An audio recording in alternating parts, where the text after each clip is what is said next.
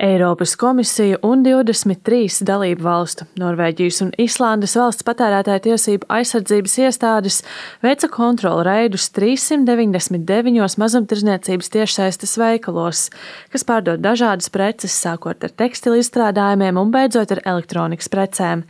Secināts, ka 148 vietnēs konstatēta manipulatīva tiešsaistes prakse.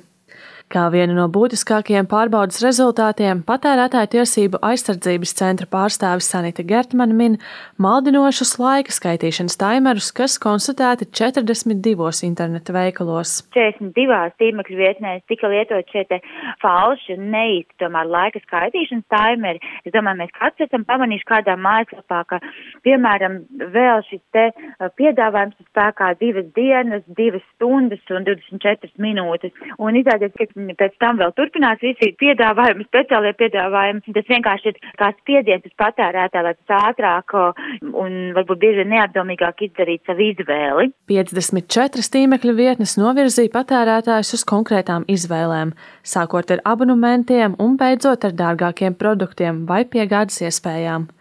Savukārt 70 tīmekļa vietnes slēpj svarīgu informāciju vai padara to mazāk redzamu patērētājiem.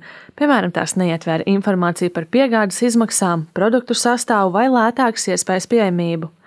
23 tīmekļa vietnes slēp informāciju, kuras mērķis ir manipulēt ar patērētājiem, lai viņi iegādātos abonementu. Šajā kontrolreidā patērētāju tiesību aizsardzības centrs pārbaudīja 15 Latvijas komersantu internetu veikalus. Viens no tādiem smagākajiem pārkāpumiem tika konstatēts vienam komersantam, kurš tiešām tā kā ievilina šajā te zināšanas pakalpojumā, un uh, tur mēs arī esam tālāk šo te lietu attīstam un turpinam. Pārējos gadījumos pārkāpumi nebija tik būtiski, taču tika konstatēts, ka atsevišķi Latvijas tirgotāji arī piekopja maldinošu taimeru izmantošanu. Komersantus iestāde brīdinājusi, turpmāk uzraudzīs to darbību.